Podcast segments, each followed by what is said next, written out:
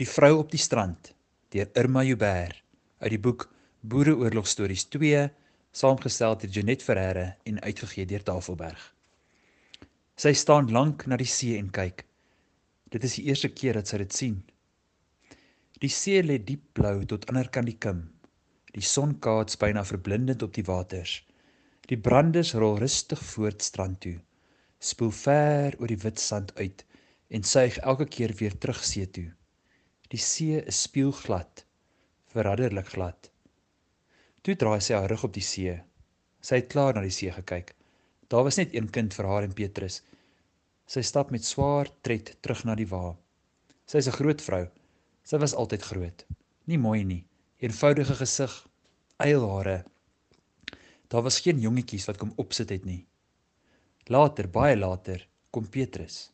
Groot, mooi Petrus, stil Petrus en hy word lief vir haar. Haar kind was 'n genadegawe van God.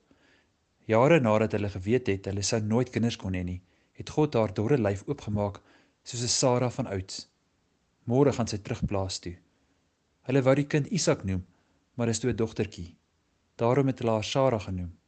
Sy het hulle hele lewe geword. Toe die kakies die plaas afbrand en hulle weggeneem na die kamp by Klerksdorp, was sy bly dat die kind al groter is. Die moeders met stringe kleiner kinders het hulle moeg gesukkel. Baie keer moed opgegee, oorgegee.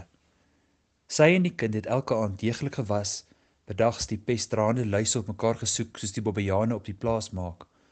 Alles het sy sorgvuldig gekook, die melk en water, hulle klere, op sonskyn daar selfs die komberse. Die kind het wel maar geword, maar nooit siek nie. Haar brein oë het bly blink. Eendag het die kakies Petrus gevang en ver oor die see gestuur. In die oorvol tent daar in die Klerksdorp konsentrasiekamp het sy en hulle Sarah kind oorleef. Toe word hulle aangesê om al hulle goed te pak. Hulle word geskuif Durban toe. In weerwil van die kakies se belofte dat vroue en kinders nie uit hul oorspronklike omgewing verwyder sou word nie, moet hulle Durban toe skuif. Sy was bang. Sy is van altyd af bang vir die onbekende. Maar sy wys niks vir die kind nie. Moeder, dink moeder ons gaan die see sien? vra Sarah blinkoog. Hulle moet stasie toe stap. Dit wat hulle wou saamneem, moet hulle dra. Net een trommel mag op die wa gelaai word. Op die stasie wag Op die stasie wag oop beestrokke. Die stank van beesmis swaar in die lug. Hulle word in die tweede trok gelaai, getrok. Sy probeer 'n hoekie skoonmaak maak haar swaar lyf met moeite op hulle bondels tuis. Laatmiddag begin dit reën, 'n regte hoë veldse storm. Daar is geen skuilings nie, net die blitsende hemelruim bokant hulle. Hulle is gou deurnat, hulle bondel komberse en klere deurweek. Sy probeer haar kind met haar liggaam warm kry. Erns soos 'n kind rou die hele nag lank. Toe die dag rooi teen die swaar wolke begin breek, sterf hy. Daar is geen medisyne nie ook nie water in die, in die trok nie. Moeder, ek moet nou klein huisie toe gaan, sê Sarah benoud. Daar is geen private geriewe nie, nie eens privaatheid nie. Die kind se verleentheid is minder as haar eie vernedering. Middeloggend ruk ruk die trein, begin stoom blaas en beer uiteindelik sy swaar vrag stadig vorentoe. 'n Vrou haal 'n vuurkleur uit en begin dit waai. Hier en daar begin nog vlae waai. Ook bo kan die ander trokke. Vlae van alle groottes wapper in die lentebries. Dan klink dit op, eers eil teen die einde 'n crescendo. Dat vrye, vrye volk syn wy. Die vrou sing outomaties saam. Volk en vaderland is minder belangrik. Sy wil huis toe saam met haar man en haar kind. Die kind sing uit volle bors saam. Haar helder stemmetjie sing bo die somber stemme van die moedige vroue uit. Die treinreis duur 7 dae. Hulle mag die trein nooit verlaat nie. Die trokke is toegeketting. Soldate pas hulle op. Bedags brand die son ongenadig uit die blou hemel op hulle neer. Snags skryp hulle te mekaar aan vir 'n bietjie beskutting. Lentenagte in die Hoëveld is steeds nog bitterkoud. Hulle kry soms droë hopbrood om te eet, 'n emmer water om uit te skep. Van was is daar geen sprake nie. Moeder, dink moeder, ons gaan vandag die see sien, vra Sarah elke dag. Haar oë bly blink. Sy weet nie hoe ver dit nog is nie. Sy is nie 'n geleerde vrou nie. Die kakie sê die Meerbank kamp is gebou omdat die kampe in Transvaal te vol is. Hulle wil die mense na taal toe skuif om hulle lewe te verbeter. Die vrouens weet. Die skuif word gedoen sodat die boerevrouens en kinders as lewende skild vir die kakie soldate kan dien. Die oop beestrokke waar waarmee hulle reis, 'n paar voor reg agter die stomende lokomotief en ander heel agter aan die stert van die trein, is daar sodat die boere nie die treinvrag kakies knus ingelas sal opblaas nie. Uiteindelik klim hulle van die trein af. Die kind huppel van opwinding. "Waar's die see, moeder?" Die kakie sê die Meerbankkamp is 'n modelkamp. Hulle probeer die foute wat by ander kampe gemaak is uitskakel. Hulle moes iets doen. Die mense het begin vra oor die baie sterftes, veral onder kinders. Dem Emily Hobbs. Die boerevrouens adem vreemd die dik, warm lug in, so anders as die kraakvars lug van die van hulle hoofveld. Dit kan tog nie gesond wees nie. Die kloktente staan in gelid. Sy en die kind kry plek by 'n bywonersvrou en haar ses kinders. "Waar is die see?" vra die kind. "Net agter Dooriebult. Ons kry soms 'n permit om daarin te gaan," antwoord een van die ouer inwoners. "Kan ons nou 'n permit kry, moeder?" "Nie nie nie nou al nie, miskien later." Haar bene sal nooit tot Doer kan stap nie. Die grond is modderig. Binne ure is die paadjies tussen die tente 'n slijmgladde papery. Die vroue se lang swart rokke sleep oor die modder. Hulle velskoene pak swaar aan. Toe die son uitkom, bak dit hulle teen die klam aarde vas.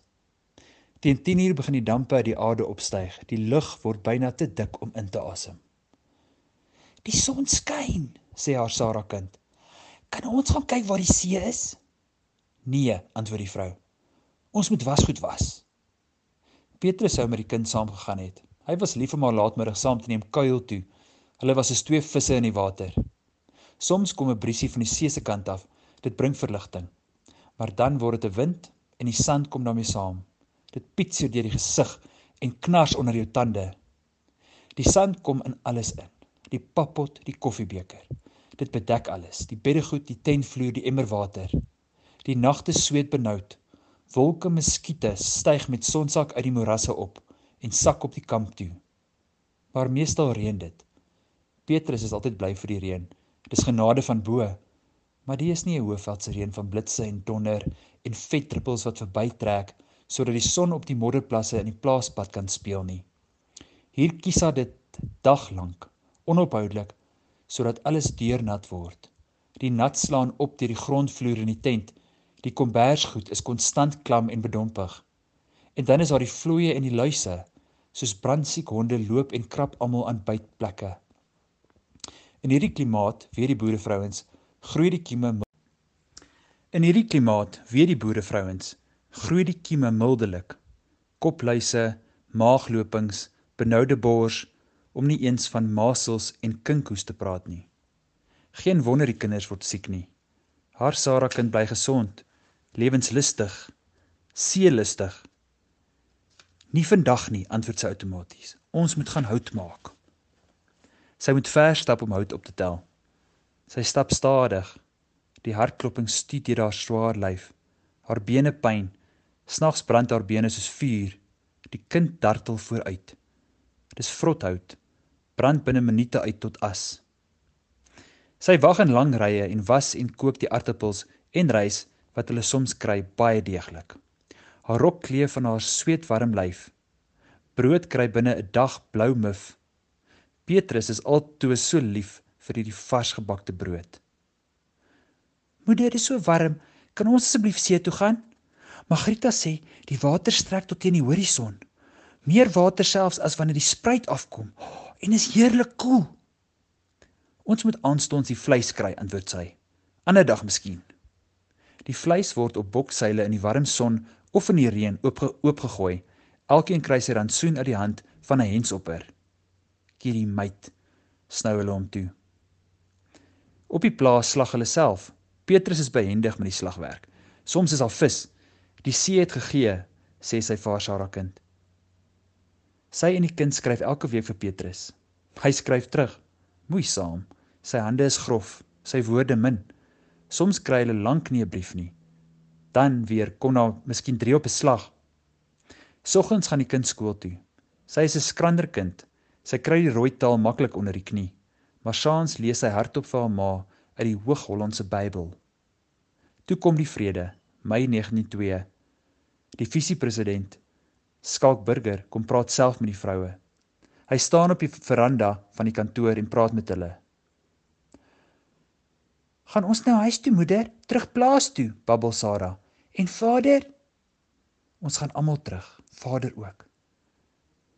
"Maar ons gaan eers kyk hoe die see lyk. Moeder het beloof." Die kind is nie lastig nie. Sy het beloof, maar maar hoe? Toe die blinkbrein oë, "Moeder, Miss French sê omdat ons nou almal weggaan en die skool moet toemaak, kan al die kinders vir 'n piknik see toe gaan. Sy sê almal gaan stap, die meesters ook, net sodra ons 'n mooi dag kry. Ons moet kos saamneem en water. Sy sê mense kan die see se water nie drink nie.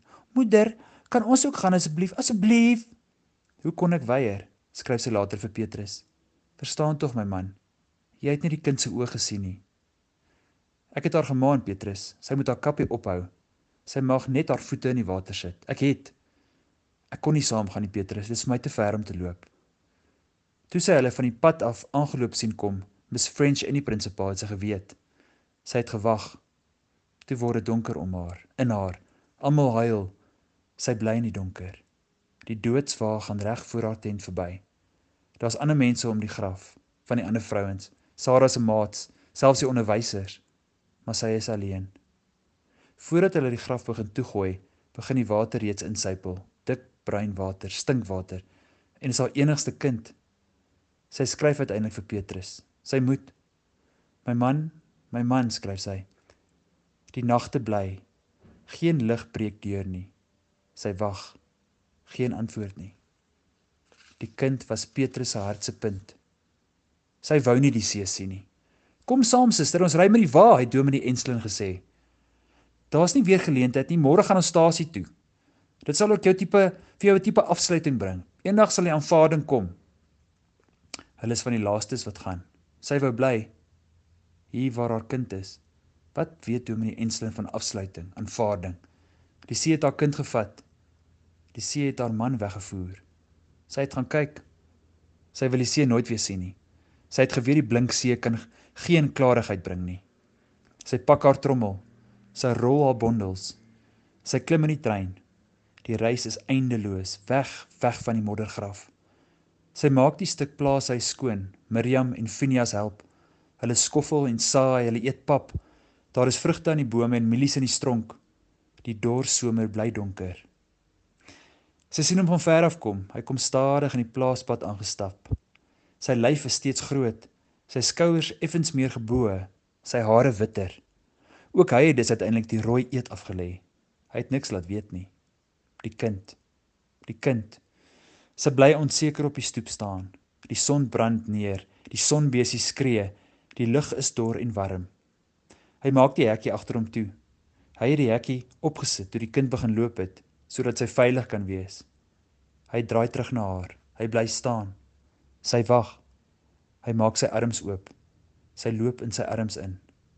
My vrou my vrou sê hy.